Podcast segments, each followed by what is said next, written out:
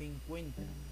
Yo soy Mauricio Tara y en esta oportunidad les hablaré acerca del libro Liderazgo al estilo jesuita.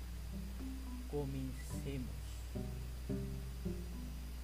Últimamente se ha estado evidenciando una escasez del liderazgo jesuita por parte de varios jóvenes alrededor del mundo, ya que este problema no solo viene de nuestro país.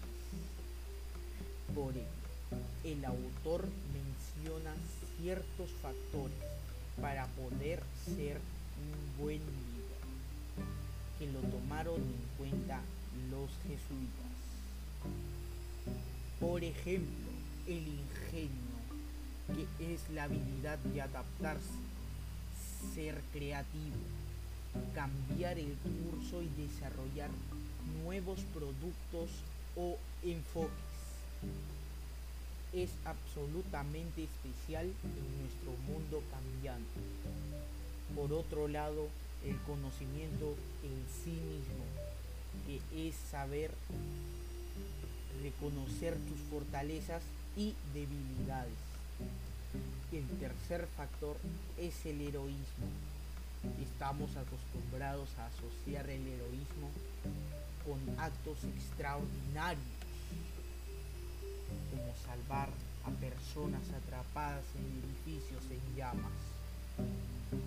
Por la visión jesuita nos hace referencia a la motivación por grandes objetivos, es decir, el deseo de poder esperarse por último factor tenemos al amor, que es el respeto a la dignidad y potencial del prójimo.